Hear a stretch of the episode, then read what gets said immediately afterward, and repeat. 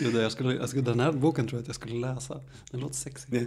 Nej, och sen då också J.K. Rowling, så apropå det så släppte Buzzfeed en här artikel som var så verkligen peak eh, ti, eh, 20, 20 och 10-tal. Så bara, eh, Trans people with Harry Potter tattoos are regretting. och jag menar, det, det är ju synd att de regrettar saker för det är literally alla transpersoner. Ja, herregud. Framförallt små transkillar, de brukar ha en sån här dödsrelikernas symbol någonstans. Ja, shit alltså.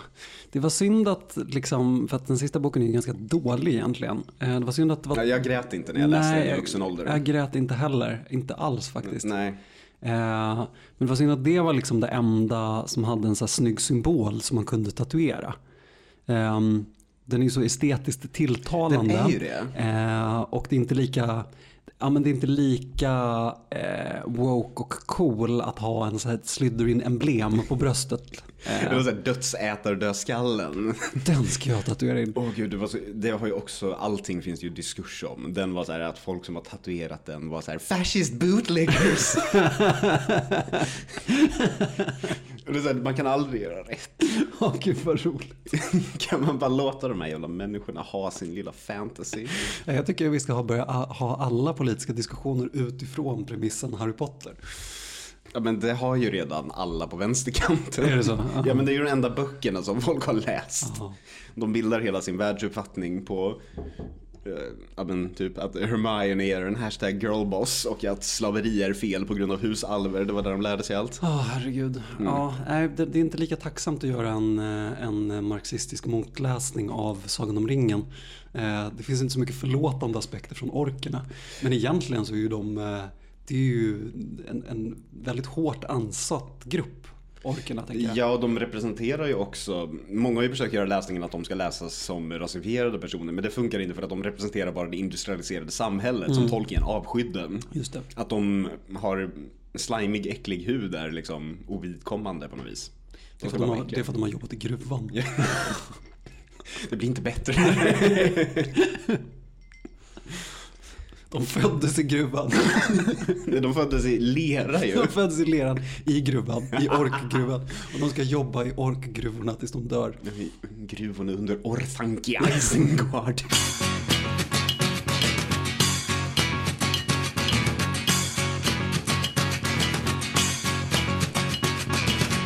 Hej och välkomna till eh, Killgruppen.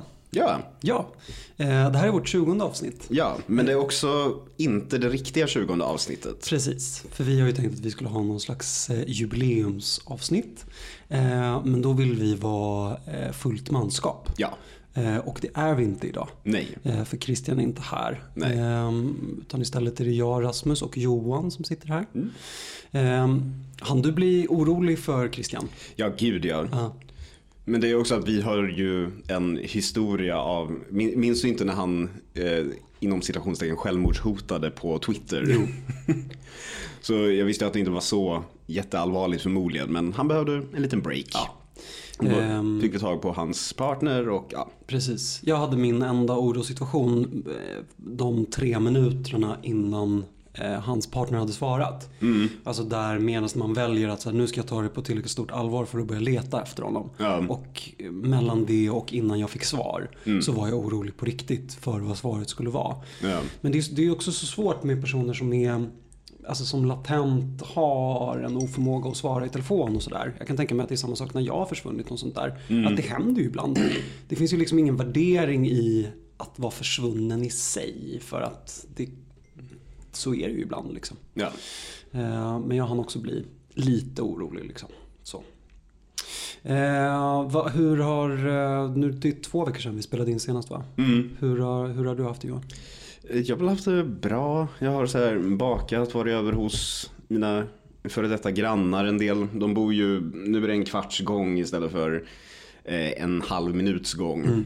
Så det är ju jättejobbigt. Men Skönt att döda lite mer tid. Ja men eller hur. Man går upp till dem och så här grilla och sånt där. Vi går, trots att man har släppt på väldigt mycket restriktioner så lever vi ändå väldigt mycket någon form av så här social distansering-liv. Ja. Jag träffar ju frekvent bara fem personer. Ja. Och jag vet inte, jag känner, vi har ju blivit lite, jag tror vi har tagit oss vatten över huvudet med att släppa på restriktioner och så vidare. Mm.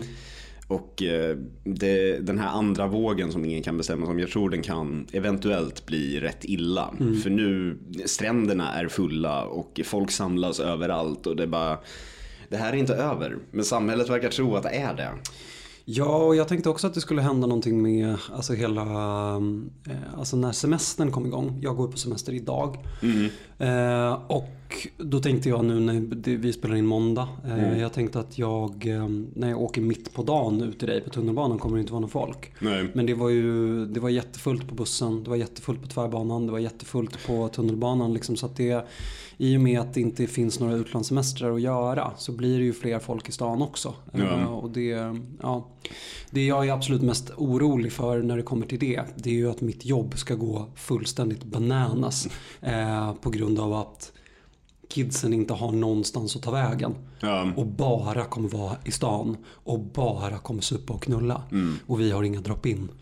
Ehm, men, eh, Men kan inte de använda sig av typ Kry eller något sånt där? Jo, alltså man kan ju beställa hemtest Ja. och, och det kommer säkert bli det. Eh, och som jag har förstått det så är det också, eh, det har kommit rapporter nu framförallt från småstäderna att Mm. det, det testas alldeles för lite mot, mot könssjukdomar. Eh, det testas inte ens hälften så mycket som det gjordes eh, samma period förra året. Mm. Eh, och jag tror att det inte alls har gått ner lika mycket hos oss i stan. Det, och jag tror att det beror på att det liggs mer också. Mm. Jag tror att om man gjorde en, en analys av hur många one night stand folk har haft i småstäder och sånt där. Så tror jag att det är färre än vad man har haft nu i stan. För i stan har ju livet som ung, tror jag, Mm. pågått ganska mycket som vanligt. Ja, här ute verkar det i alla fall ha fortsatt. Ja, parksupande som parksupande liksom. Ja. Eh, Eller som det här, eh, spela basket klockan 11 på kvällen Ja. typ. Eh, ja, det låter som en sexig situation som kommer leda till eh, att man borde behöva gå och testa sig. Ja. Mm. Det, ibland dyker upp kvinnor där. Eller kvinnor, unga tjejer. Men inte jätteofta. Homosocialitet med bollar. Ja, det har ju dragit igång nu också, allsvenskan. Jajamän. Mm. Det känns lite som ett barn eh, som kommer hem från kriget och man är jätteglad för det. Eh, men den har inga ben. och nu måste jag ta hand om det här barnet. Ja, det så, verkade lite krigsskadat alltså. När man jag kollade på, du kollade på Hammarby, jag kollade på ÖSK igår. Så här, ingen publik, allting ekar, alla bara skriker åt varandra. Tränarna är tokiga. Ja, ja herregud vad man hör dem skrika. Det, ja, det, var, mm, det var något nytt. Men jag tycker ändå det är skönt att vi inte har tagit till någon så kreativ lösning gällande publikförbudet. Eh, förbudet. så ja, men så här, typ som Sydkorea satt upp sexdockor och sånt där och ska köra ljud från Fifa-spelen. Bara... Tystnaden är konstigare men jag uppskattar att det inte blev ännu mer weird genom att ha typ pappfigurer. Jag håller verkligen, verkligen med och jag har märkt också en väldigt stor skillnad när, när Hammarby spelade. Att jag brydde mig inte så mycket om publiken och sånt där. Nej. Jag, jag skulle ju bry mig där om resultaten blev sämre på grund av att Hammarby brukar ha ett sånt massivt publikstöd. Ja. Alltså eh, om man märkte att de presterade sämre eller något sånt där. Men så fort som någonting som jag faktiskt brydde mig om satte igång så var ju jag gladare över att det var någonting. Mm. Ja. Än att eh, jag, reflekterade inte över hur konstigt det var och inte vara där. Liksom. Nej. Men skö- Ehm. skönt ändå att de börjar med cooling breaks. Det hade de inte förra Nej, säsongen. nej, smart faktiskt. Bra. Eh, och skönt för en själv också att man kan gå och. hämta dricka. ja men eller hur. Men eh, hur, vad har du gjort de senaste två veckorna då? Nej men alltså jag har väl typ gjort det. Eh, den, senaste, de senaste två veckorna har jag, jag har jobbat ganska mycket. Mm. Ehm, Där innan semestern jobba Ja liksom. precis. Här, hållit på att försöka och, ehm, och avsluta saker för att mina för att mina vikarier och sånt där ska kunna Mm. ta över en, en, en bra grej. Jag är ju liksom så på jobbet att jag, jag blir ju väldigt aktivt medberoende. Och Mm. jag tycker också att det är väldigt skönt att, eh, att fylla en funktion. Mm. Vilket innebär att jag inte löser så mycket problem. Utan jag bara ser till så att det funkar i alla fall. Mm. Eh, men när det kommer en vikarie så blir jag tvungen att, att, att skärpa till mig. Det Mm. funkar inte att vi inte har en ytterdörr som gör att patienterna måste knacka på min fönsterruta för att jag manuellt ska gå ut och hämta varenda patient. Liksom. Ehm, och jag tror att jag har en mycket större, jag brukar alltid skylla på landstinget men jag tror inte att det är deras fel. Jag tror att det är min, min eh, position som eh, medberoende på alla jobb jag har som, som gör att det blir så. Sen i helgen så ehm, har jag, ehm, alltså jag har precis som du också haft en ganska liten krets människor jag har träffat på kanske fem personer. Där Mm. jag har träffat min mamma i min, ja, på den sidan av släkten och min pappa på den sidan av släkten. Men jag har knappt träffat mina småsystrar. Nej. Eh, Jag har träffat min farmor några gånger för att jag har handlat till henne. Jag har inte träffat min farfar på fyra månader. Jag har inte träffat mina kusiner, inga fastrar och sånt där. Och i helgen så var det först på fredagen begravning. Ehm, och det var, eller inte begravning utan gravsättning av min eh, farfars bror som dog för ett och ett halvt år sedan ungefär. Eh, och det var väldigt traumatiskt när han dog. Han, han, eh, de var inne på sjukhuset flera gånger och alla sa att det skulle vara okej. Och sen så visade det sig att han hade blodförgiftning och så bara stendog han. Ja, nej, det är ju inte bra för åldringar att ha blodförgiftning. Det är ju surefire way att inte se dagens ljus igen. Nej, det, det, det är, så är det ju verkligen. Och sen så var det så jävla bittert liksom för att man förmodligen hade kunnat, eh, man hade kunnat göra någonting åt det också om de hade märkt det tidigare. Ehm, och han har varit otro, en otroligt viktig del för väldigt många. I, inte så mycket i mitt liv. Jag, jag har alltid tyckt väldigt, väldigt mycket om honom. Han eh, så otroligt excentrisk, härlig, judisk psykologgubbe. Åh. Ja, nej, um, otroligt charmig har han alltid varit. Och har en så gård på Gotland där jag spenderade väldigt många somrar när jag var liten och sådär. Och om jag skrev en så här självbiografi eh, så hade han absolut varit en så stor karaktär. För att han har en så stort symbolvärde. Men jag tog inte hans död så, så hårt som Nej. väldigt många andra. Och folk var väldigt, väldigt traumatiserade liksom. Och sådär. Ehm, Men varför tog det så ett och ett halvt år? jag vet faktiskt inte om det var så att vi skulle ha gjort det i vintras eller något sånt där. Det går, Ehm, går inte det emot pra- judisk praxis? Jo, fast Väldigt mycket. Jätte, jättemycket. Eh, för att, men, men han var ju inte religiös. Nej. Eh, överhuvudtaget. Han hade en borgerlig begravning också på Mm. Skogskyrkogården. Eh, och det var fint för det var nära hans släktingar och sånt där. Mm. Men, ehm, eh, men han, var inte, han var inte det minsta religiös Nej. överhuvudtaget. Så att det, det var ingen fara med den Det blev praxisen. ingen, blev ingen shiva. Det var ingen shiva. Nej. Ehm, men eh, så träffade jag min farfar och han hade, han hade blivit riktigt mycket sämre under, han har ju Alzheimers. Eh, och ehm, eh, vi stod bredvid varandra med en och en halv meters mellanrum en bit bak. Liksom. Och alla frågade honom hela tiden om han ville komma närmare så att han kunde höra vad folk sa och sådär. Men han bara, han förstod, han hörde inte ens när vi frågade om han ville höra. Eh, och sen så la han till saker hela tiden för att det skulle låta som att han hade koll. Så att mitt i prästens eller, eller begravningsförrättarens eh, vad heter det, tal så sa han saker som ja just det. Jajamän, Jajamän. Så var det. Eh, Och det var drabbande. Och sen dagen efter så träffade jag de här personerna igen då. eh, För då var det min eh, lilla systers eh, student. Eh, Och det var, Mm. Grattis. ja, det var verkligen svart mot vitt. Eller, eh, Nu skulle vi vara jätteglada och sådär. Ja. Men det var skönt. Man borde ha så. För varje begravning borde man ha en riktig studentfest dagen efter. Bara för att, En bipolär vardag liksom. ja, men precis. precis.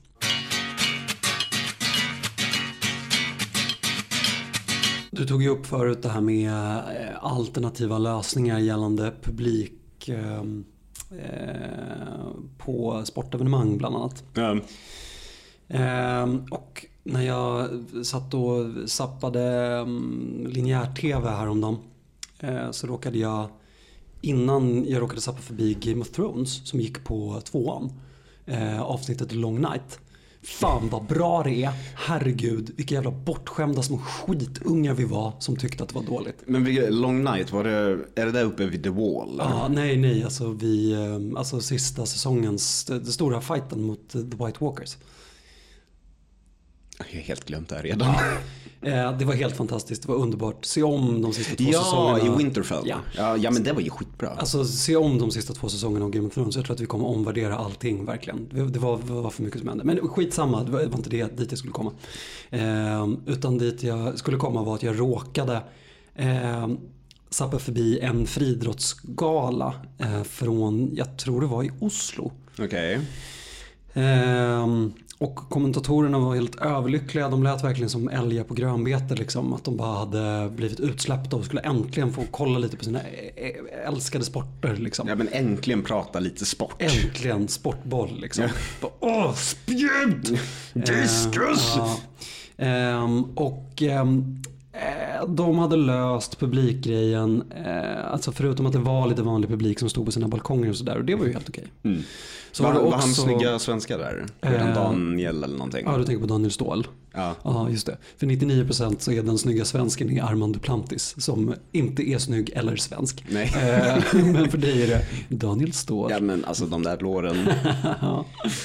Ja. Ja. Jag tror han vann också. Ja, vad bra. Krossa, krossa mitt huvud som en diskus.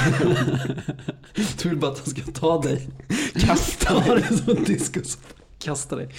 Eh, De hade löst eh, publikgrejen med att ha sådana här djupt obehagliga eh, liksom dräkter med ställningar. Där det är två dockor framför och två dockor bakom.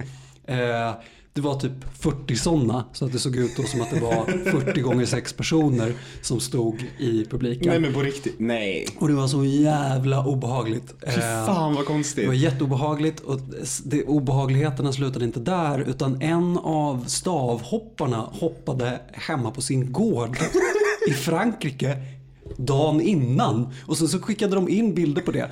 Eh, och sen eh, så eh, eh, var det ett lopp mellan eh, fyra norrmän och fyra kenyaner.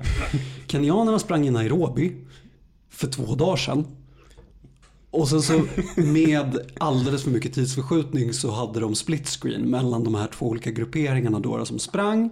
Men då kollar de, mätte de tiden då eller? Precis. Ja. Och jag menar det borde ju ha funkat om det inte bara var så att det var fullständigt retarderat filmat. Men, Eh, var, men varför, var, var, var, varför var de tvungna att tävla i tv? Ja, nej precis. Jag förstår inte. Nej, jag förstår inte heller. Det, det, det kändes helt meningslöst. eh, meningslösheten fortsatte sen också för att det var rekord hela tiden. Eh, hela tiden var det nya rekord och folk bara testade på olika rekord och sådär. Och sen efter ett tag så insåg jag varför det var nya rekord. Och det var för att de sprang helt nya distanser. De var så här, norskt rekord igen liksom. På 250 meter häck. Och det är rekord. Det är aldrig någon som har sprungit på den här distansen tidigare heller. Eh, Eh, det, det här eh, ledde till, till djupa obehagskänslor hos mig. Ja, Eh, när eh, fransmannen rev ut sig så stängde jag av. ja men det, det är väl lite som att här, titta på några som så här, försöker härma verkligheten lite grann. Bara Exakt att, det, bara att det är här, detaljer som är fel hela tiden. Mitt case om att jag tycker att allting som skjuts upp borde bara ställas in. Eh, och eh, vi borde börja igen när vi kan göra någonting istället. Eh, fick väldigt mycket vatten på sin kvarn. Ja. Eh, det jag gjorde då i alla fall var att inse att eh, jag måste sluta titta på tv. Jag måste börja läsa lite böcker. Och för väldigt länge så har jag, jag tror att jag har liksom men det har kört ihop sig med läsningsmedia för mig. För att jag alltid har trott att man måste läsa saker som är bra. När man kan läsa saker som man mår bra av. Vad är det för något? Det vill säga skit. Eh, alltså jag menar, när jag kollar på tv-serier så letar jag ju nästan alltid efter saker som, som jag bara kan ha på. Alltså saker som man kan ha som en eh, varm hand på en panna. Liksom. Det var därför jag blev så glad när jag upptäckte att Buffy fanns på Viaplay häromdagen. E- e- Excellent eh, exempel. Ja. Eh, en, en trygghet mer. Eh, så att jag har köpt en massa skruttiga skräckböcker eh, och nu eh, läser jag mig igenom hela eh, Stephen Kings sons bibliografi. Mm. Tänkte jag. Den är rätt lång. Den är jättelång eh, och den är väldigt ojämn och den är jättehärlig. Det är massa sex och det är massa blod och det är massa bra grejer. Ja men han är väl pappa upp i dagen vad jag förstått. pappa upp i dagen. Eh, men så stötte jag på en passage. Eh, vi är fortfarande på min intro till min prat. Jag stötte på en passage i den boken jag läser nu som heter A Heart Shaped Box. Eh, nu letade jag lite lat efter eh, den passagen men jag eh, kommer läsa den från mitt, eh, min hjärna istället. Eh, Vilket i sig är en Stephen King-referens från eh, Dreamcatcher. eh, är det? Ja, nej, de har ju min, deras kompis med förståndshandikapp som visar sig vara en utomjording lär ju dem att ha ett så här mind library där de, Just det, just där de just kan det. stänga in och så här, gömma saker som de sen gömmer för Mr Grey som är the big bad i den filmen. Ja. Ja, mm. Eh, Den, eh, jag, jag försökte undvika att säga det med ehm, den rösten men du bara körde. Ja, men, jag kan inte hjälpa att det var så de gjorde i filmen. Is the gay? Eh, Det har eh, satt sig i mitt mind library. Ja. Ja. Men eh, fritt i mitt mind library då. Eh, så är det en passage där eh, Heart Box handlar om en gammal rockstjärna. Eh, som efter att hans eh, förhållande har, eh, eller hans äktenskap har brustit eh, nu ligger med olika personer från olika stater och han kallar dem vid statens namn. Så han, eh, Kul idé ändå. Ja, han har till exempel precis haft ett förhållande med en tjej som heter Florida och nu ligger han med en tjej som heter Georgia. Eh, och då går han igenom eh, sitt eh, sexliv tidigare och sina sexuella preferenser. Ehm, och han sa att eh, han pratar om att han eh, är ju en sexuellt utsvävad rockstjärna och är ju inte främmande för eh, saker som inte är helt vanilla. Eh, han har inga problem med att vända på tjejerna och ta dem där bak. Men han drar gränsen vid watersports. Och varför ska en rockstjärna vara vanilj? Ja. Eh, och det jag kände då var ju dels att så här, oj vad, vad konstigt att jag som är en plain vanilla dude. Är det Peter Rung som har skrivit den här boken?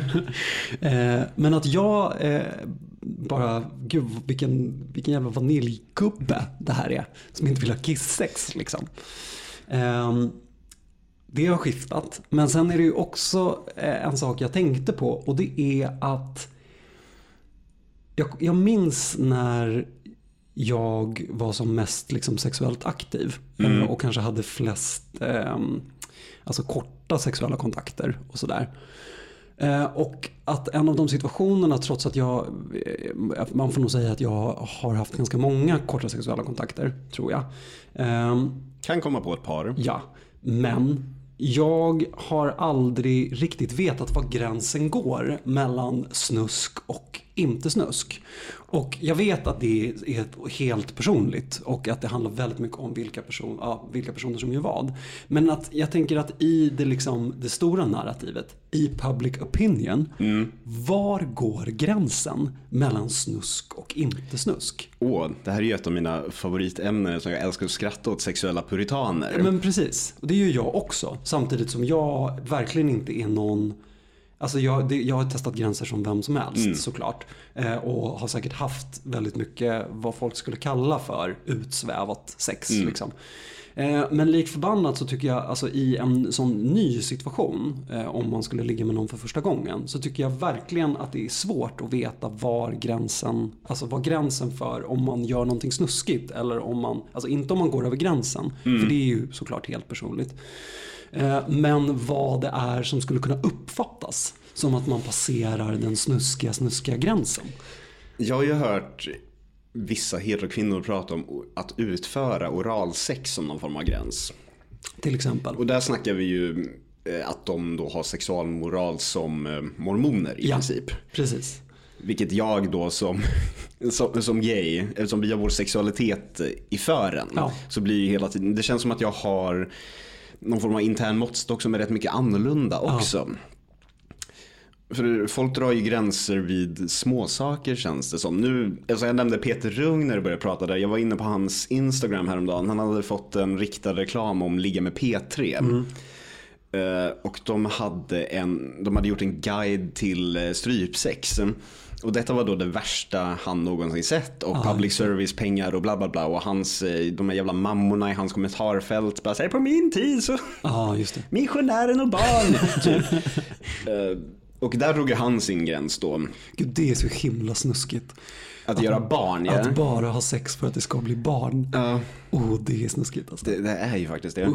Nej, men, och då känns det ju ändå som att det finns ju, det tror jag att vi har spanat tidigare, att puritanismen är på väg tillbaka. Mm.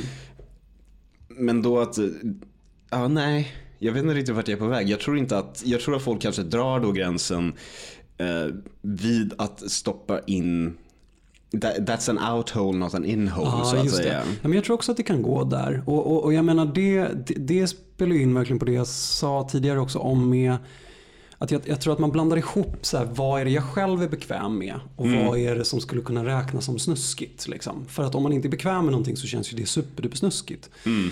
Men jag tänker ju att, så här, att analsex är en, en helt liksom, alltså eh, accepterad praktik även i straighta personers sexliv nu?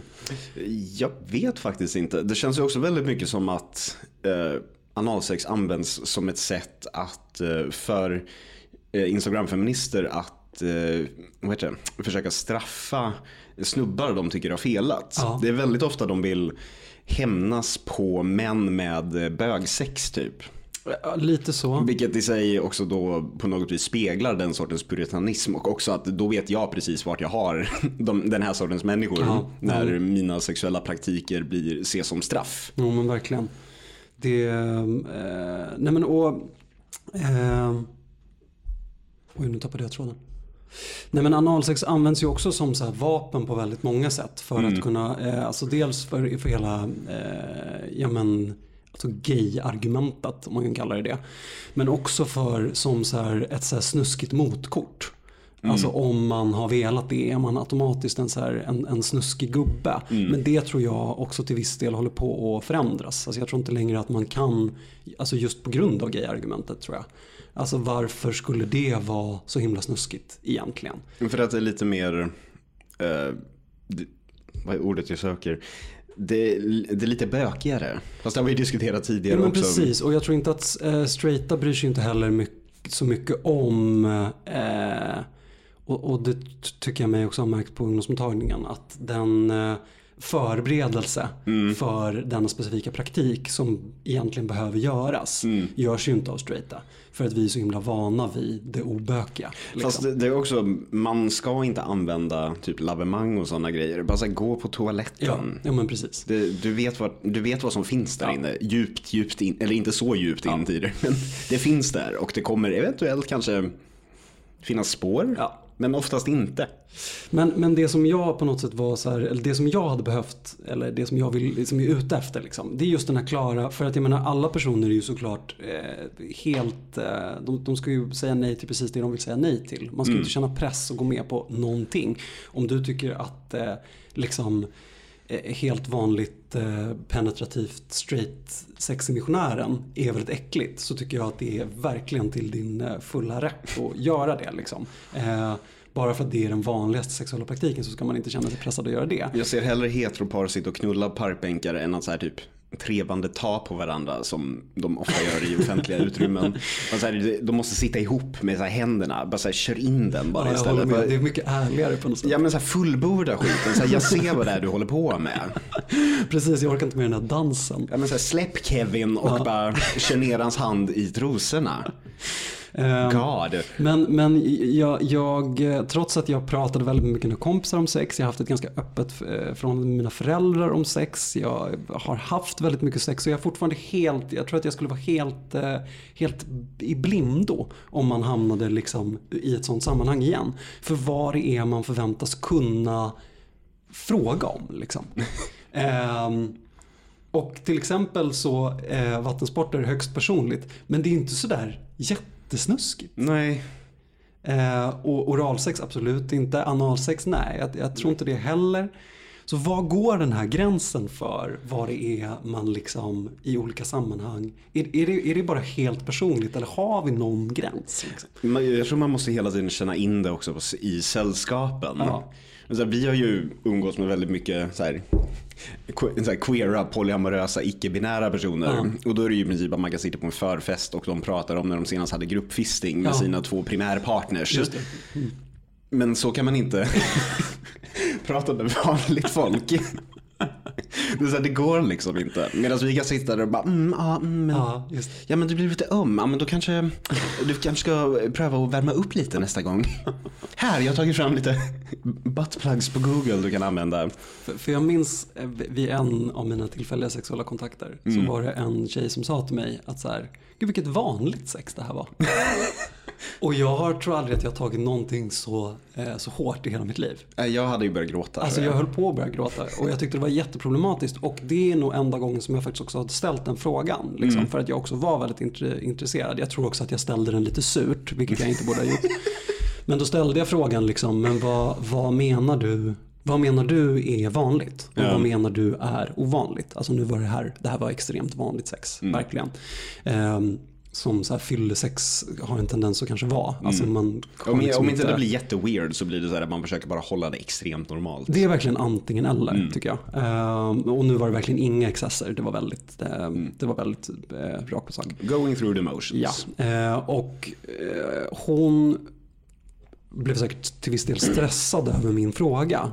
Men det, jag, hon, hon vägrade också svara. Att det var väldigt personligt uppenbarligen. Eh, och så att även när jag har ställt den frågan så har jag inte klarat av att liksom få ut ett svar. Ens Det- personligt. Det var, inte ens, det var inte som så att hon hade eh, hundkoppel i hallen men ingen hund. Och att du bara missade detta.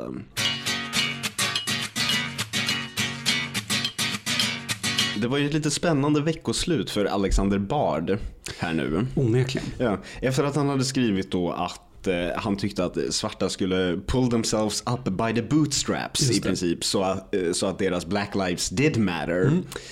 Eh, så inleddes ju en kampanj på sociala medier för att få bort honom. Detta är väl ungefär tionde gången detta har hänt för att han har sagt något dumt om svarta. Ja. Ja, det, är lite, det är sånt han gör. Och hundrade gången av andra anledningar. Ja, ja alltså, han- han är ju väldigt, han, han vet ju vad han säger så att säga. Jo.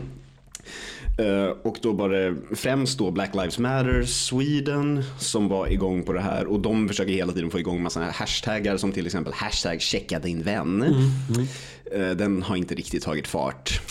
Förutom folk som repostar deras post om att hashtag checka sin vän.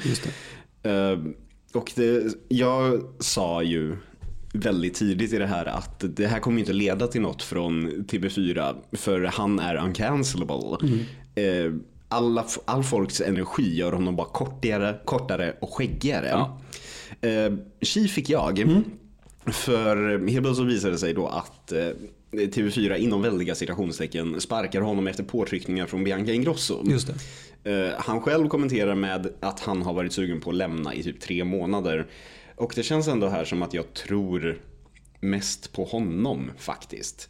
Han är inte dum i huvudet. Och Ehm. om, han, om han ville på något vis kicka igång sin egen firing eh, eller inte ville det, då hade han inte gjort det heller. Nej, eh, alltså det är ju väldigt smart att vara så teflonig som han är. Alltså för han får ju en väldigt märklig maktposition. Han kan ju säga sådana här saker, få sparken som han vill. Men ändå komma ut på andra sidan som en, ja, alltså han är ju bara en ärlig rasist liksom. Ja. Och det är ju det han vill vara. Mm. Eller rättare sagt, han är en, en, en liberal med stor käft.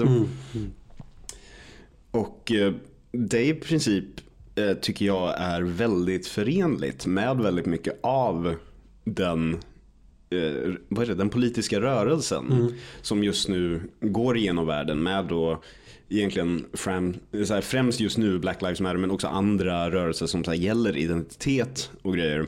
För jag tror att jag råkar bli, som incels brukar säga, blackpillad. Eh, Redpillad är ju då när, man, när incels inser att alla kvinnor bara vill ligga, ligga med snygga eh, korkade män.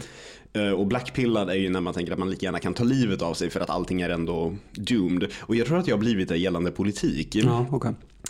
Eh, för det, jag har insett att eh, hela, all form av rörelse som pågår just nu handlar egentligen om att alla ska ha lik, liknande villkor på den nyliberala kapitalistiska marknaden.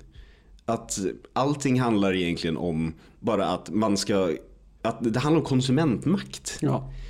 Och den, den insikten gör att man inte riktigt kan ta någonting på allvar längre. För att allting handlar då, all, ingenting är ärligt. Nej, nej. Det, men det är också så här, jag vet att man måste ändå se till individer och att det är här, om en tjej med slöja är typ tv-kock så leder detta till Eh, tolerans ökas markant och så vidare. Så sånt finns det ju siffror på. Jag har ju eh, vad heter det, forskat jättemycket gällande just minoriteter och främst eh, hur de har tolkats i film och tv. Så jag vet ju att det finns, det finns siffror, det finns undersökningar och så vidare. Men det handlar ju egentligen också fortfarande om bara att de ska ha samma villkor inom kapitalismen som alla andra. Ja, ungefär. Nej, men jag, jag tycker också att det, så här, det, det finns ju någonting väldigt deprimerande med alltså, vart makten finns någonstans. Mm. Eh, samtidigt som det, ju, det går ju inte att snacka bort vilka, vilka sjuka effekter det har fått också. På. Mm. Om man bara accepterar då att makten ligger där hos storföretagen. Mm. Så har ju storföretagen faktiskt eh, skiftat nu. Mm. Eh, och de har ju anpassat sig väldigt, väldigt mycket. Mm. Och det i sig, alltid när det börjar komma sådana grejer, som efter metoo också, Ja. så tyckte jag att det kändes ganska deprimerande. Att det här är det, det, här är det liksom som man kämpar för på något sätt. Mm. Eh, men det i sig kan ju också leda till, till riktiga grejer, tänker jag. Eh, Men vad är då de riktiga grejerna? Nej, lite det, är det, det är det jag inte vet för det är ju någonstans att makten inte ska ligga där Mm. den ligger. Eh, och det är ju inte det riktigt vi kämpar för nu, precis som du säger. Det var någon, en annan podcast jag lyssnade på sa att när Taylor Swift kämpar för din sak, då vet du egentligen att du har träffat helt fel. Mm. För den formen av kamp som ska föras av minoriteter, den ska ju egentligen inte handla om att man ska bli accepterad av storföretagen. Folk Nej. gillar ju att vara arga på företag under Pride, men varför är de inte det gällande annat? Mm. För nu när de har alla företag och alla stora institutioner och fucking banker på Wall Street Mm. har så här omfamnat Black Lives. Det är så här, det, ni, ni bara ni kramas med den riktiga förtryckaren Mm. som upprätthåller något sorts klassamhälle.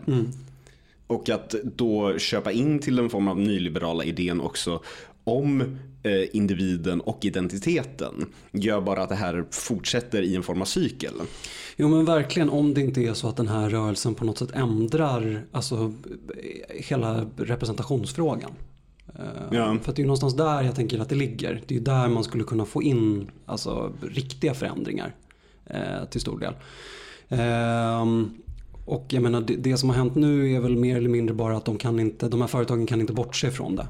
De har alldeles för mycket att förlora på att bortse från det. Och de Mm. har uppenbart alldeles för mycket att vinna på att gå med Ja, de- i Black Lives Matter också. Ja men de breddar sin kundpool. Precis. Ehm, men om det skulle förändra, alltså om det skulle förändra hur man ser på, på köpgruppen svarta till exempel. Mm. Så är det en riktig, en riktig förändring. Och både du och jag som ju har läst ganska mycket eh, postkolonial teori och sådär vet ju att det finns väldigt mycket viktigt att hämta i representation. Ja. Eh, så det skulle ju kunna vara en, en riktig förändring tänker jag. Mm. Men, Eh. men att man då måste fortfarande inse att man inte på något vis kämpar mot kapitalismen. Ja, det måste ju ges eh, ärligt ja. Ja, Absolut. För det gör det ju inte nu. Nej. Allt det här ses ju som, ja, men likadant också så här, vita liberaler i USA tror nu att de Mm. så kämpar mot kapitalismen när de, när de pratar om representation och så vidare. När de i själva verket arbetar innanför det här samhällssystemet. Mm. Så det är väl egentligen bristen på ärlighet då kanske, vad- med målen på något vis. Men det är också det jag tycker är märkligt med till exempel Alexander Bard. Som ju är, för, att, alltså, för, för mig som är, inte är liberal tycker jag det är väldigt skönt med ärliga liberaler som säger vad de tycker. För att då vet jag vad jag har dem. Ja. Jag tycker det är väldigt obehagligt med den smygliberala sossen som låtsas, det är så fräckt att bedriva en eh, liberal ekonomisk politik. Men kapitalisera på arbetarklassen. Som sossarna gör. De går omkring och demonstrerar mot sig själva varenda första maj. eh, men, eh, men Alexander Bard är ju, är ju starkt emot Black Lives, Matter, eh, Black Lives Matters. Eh, han tycker att det är en så här marxistiskt rotad organisation. Ja. Eh, och det, jag har för dålig koll på själva rörelsen. Men det som det kämpas för nu, de liksom ehm, Ja, men de förändringar som görs nu är ju inte marxistiskt lagda, precis som du säger. Utan det är ju helt i, i den stöpta kapitalistiska formen. Ja. Eh, Så att jag blir lite förvånad över att han är så anti det. Liksom. Ja, nej men sen också hur det har blivit då när de har översatt den rörelsen globalt från USA. För i USA har de ju rätt konkreta mål med tanke på, ja men där har, den riktiga antagonisten där är ju polismyndigheterna. Eh, För att de inte funkar och de funkar framförallt inte för svarta medborgare. Eh, Men sen då har det ju lett till det här att de ska ta alla pengar från polisen, vilket de har gjort i Minneapolis nu bland annat. Då, eller de har planerat att de ska det. Men det, kom, det tror jag inte heller är en bra lösning, för det kommer bara leda till något värre, det vill säga privatiserade poliskårer som det lejs som i, av... kommer det som i Italien. Liksom. Ja men precis, det kommer bli som den värsta av dystopier. För Ja. då är plötsligt så är det polisen AB. Liksom. Ja. Så jag vet inte, jag har ingen lös som vanligt har jag ingen lösning. Jag är bara en del av Ja, gnällvänstern. men det är ju verkligen en liberal eh, mardröm. Liksom. Mm. Att man ska ändra våldskapitalet. Och liksom ge det tillbaka till folket. Men Ja. det blir blir ju precis tvärtom. Mm. Eh, förmodligen. Ja, nej, jag, jag, ehm, jag kan alldeles för lite eh, realpolitiskt om, om Mm. liksom den situationen. Men eh, som att efter att ha haft eh, personliga encounters med italiensk polis eh, så vet jag att det, det är ju bara kaos. Alltså. Ja, att det, italiensk polis bara det är ju, låter ju som en jävla mardröm. Ja. Men också då det jag nämnde lite snabbt att hur rörelsen översätts från USA till resten av världen. eh, Det känns, in, det känns fortfarande väldigt mycket som att de fokuserar på de amerikanska problemen. Alltså det är ju så. Sen så får ju de ett helt annat agens i Sverige till exempel att prata om rasism. Ja. Eh, Men det är ju där, det blir som en, jag, jag får ju, eh, det blir som en nagel i ögat på mig. På grund av att det är så amerikaniserat. Mm. Eh, Och jag känner mig skittöntig nu i efterhand. Men- framförallt i början av det här så tyckte jag att det var, jag tyckte det var ganska irriterande. Mm. När man kommer in och har så här en jävla viting med fittig ton Ja. liksom. Det är inte, både du och jag har ju det problemet att vi är vitingar med fittiga toner. Ja, precis. Eh, nej men precis, och jag vet inte. Men, men jag stör mig ju också på de vita som inte har fittig ton. Mm. För att jag tycker att det är ganska fittigt också. Mm. Såg du han i Göteborg med Dashiki som breakdansade framför en polisbil? Eh, nej, Nej, det var skönt för dig. Ja. Han var Eh. jättevit och pratade om någon, han följde, en svart influencer han följde på Instagram. Sen Ja. började han breakdansa. jo. Det fick mig att eh, känna att gräva bort Göteborg blir bara mer och mer viable option för var dag som går. Gud, det, det vore underbart tycker jag. Verkligen. Ja. Men min, min favoritperson i hela det här, alltså de vita med ofittig ton, det är ju sådana som, alltså, ehm, som bestämmer sig för att bara agera kanal. Eh, som bara som bestämmer sig för att, ehm, att de, jag vet inte om det är att de är influencers eller vad det är de bestämmer sig för. Men Mm. att, ehm, att konsekvent dela saker om att man borde dela saker. Ja. Eh, Varför pratar ingen om det här? 25 000 retweets. Precis, och sen så delar de också att man ska vara försiktig med att inte dela för mycket. Och sen så delar de om att man inte ska dela alls. Och sen så delar de om att det är rasistiskt att inte dela. Och sen delar man och delar man och delar man och delar man och delar man. Och så, så tänk, ja. Och sen så insåg de att för att de delade så råkade de tysta andra röster. Så då ångrade de att de delade och delar om att de inte borde ha delat när de Exakt. faktiskt delade. Eh, Och det är bara en, en, en, en, en tornado ner i avgrunden liksom. Men, men Det är en ideologisk tornado av det som brukar kallas white guilt liksom. Precis, och det jag inte förstår det är ju för att jag tänker att diskursen görs på sociala medier. Mm. Men diskursen just nu handlar ju bara om diskursen. Diskursen Mm. om diskursen. Diskursen om hur man ska dela eller inte. Ja. Och det tycker jag är någonting som, alltså, som vita måste checka upp på. Och jag förstår att jag bara tar tornadon och snurrar om den ett varv till. Liksom. Men, men, men eh, eh, att, att dela saker är ju inte samma sak som att göra någonting. Eh, och det tror jag vi verkligen behöver, eh, behöver kolla på. Alltså. Ja, det finns också någon form av ängslighet hos eh, vita personer som vill engagera sig. Det ska ju hela tiden att man, man har, jag vill inte säga att man inte har någon egen agens, för det är inte riktigt det det handlar om när man Nej. pratar om att engagera sig i minoritetsfrågor. Men det, den ängsligheten är så jobbig att ha att göra med. För det, ja, men man kan inte riktigt, de här personerna finns inte riktigt på riktigt. Nej, precis. De bara regurgiterar en massa saker de har hört och sen så har de ingen insikt i grejer för de har inte läst någonting förutom inlägg på Instagram. Men det jag inte vet är om det är bättre att göra än att göra ingenting. Jag har inte gjort någonting. Nej. Eller jag har typ, eh, jag har tagit verkligen den enkla vägen ut och typ sett väldigt mycket dokumentärer. eh, och försökt att läsa på om den här situationen. Eh, men jag har ju inte delat, delat någonting av den anledningen. Men också- Deras ängslighet gör mig väldigt ängslig. Men också så här, vi är inte direkt, eh, vi, vi är inte en i Ingrosso-familjen direkt. Nej. Varför skulle vi dela saker? Nej, du menar vi har ingen inverkan? Nej, Vi har ingen influens. vi har ingen publik, vi har våra lyssnare här. Mm. Och det, jag vet inte, förväntar de sig att vi ska... Make a stand. ja. Nej. Nej, vi har köpt The Stand av Stephen King. Ja, ja, det har vi tänker gjort. läsa i sommar. Ja, vi och göra. eh, vi, om någon frågar mig så kan jag orera om eh, hur samer diskrimineras i svenska samhället i ungefär fyra timmar. Eh, men eh, vad jag var på väg med det här då, att jag nu har blivit blackpillad och alltså blivit en extrem nihilist Mm. gällande all form av vänsterpolitik. Eh, och också blivit lite besviken över att apokalypsen blev lite inställd. Ja. Verkar det som. Men eh, någonting har faktiskt hänt i USA som gör, gör mig lite lite så här Du ser, glad. du ser lite hård i brallan ut. Ja, jag ser lite hård i brallan Ja. ut. För nu i Seattle, i staten Washington, Mm. det här är också, för er som har läst rubriker om detta och det står Washington, det är inte staden, det är staten. På exakt andra sidan eh, Exakt. USA. Det, de, sit, de har inget med varandra att göra förutom namnet. Eh, Men där i Seattle har eh, vänstergrupper skaffat sig en autonom zon.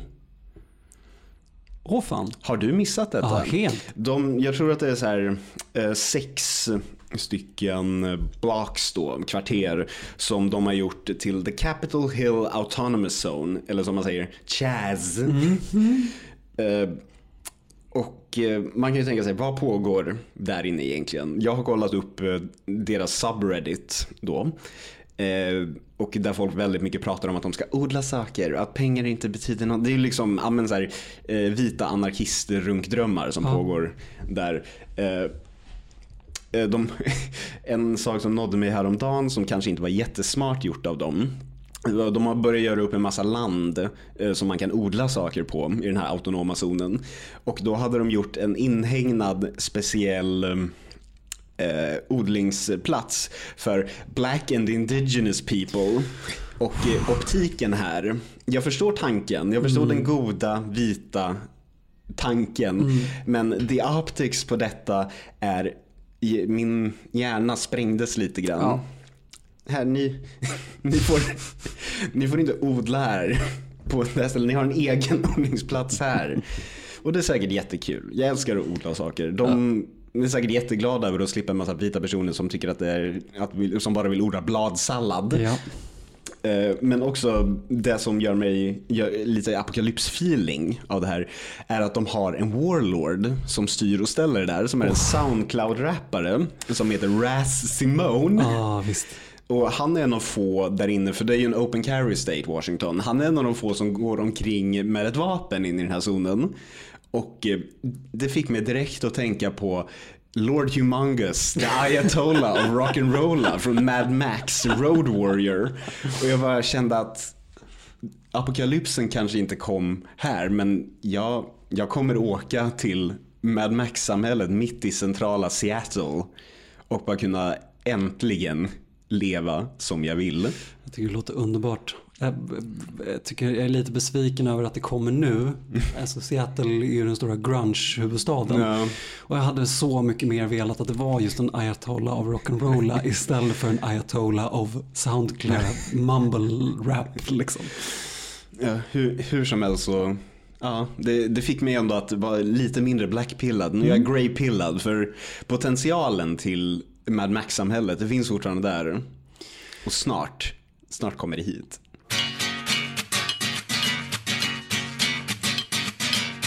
Ja, det var allt vi hade idag. Jag tror det. Ja, men eh, nästa vecka kommer det inte komma något avsnitt för då är jag borta. Mm, jag är också borta. Ja, Men eh, förhoppningsvis då kommer vi tillbaka med full bemanning om två veckor. Det låter bra. Ja. Och då kör vi vårt eh, så kallade jubileumsavsnitt Det istället. riktiga 20 avsnittet. Precis. Det här är bara en facsimil. Ja. Ja, det här är mest för att vi ska kunna träffas och hänga lite. men precis. Vi behövde prata om saker. Ja. Men eh, gå in och ge oss en rating vart du än lyssnar och följ oss på Instagram, at killgruppenpodd. Tja tja! Tjabba!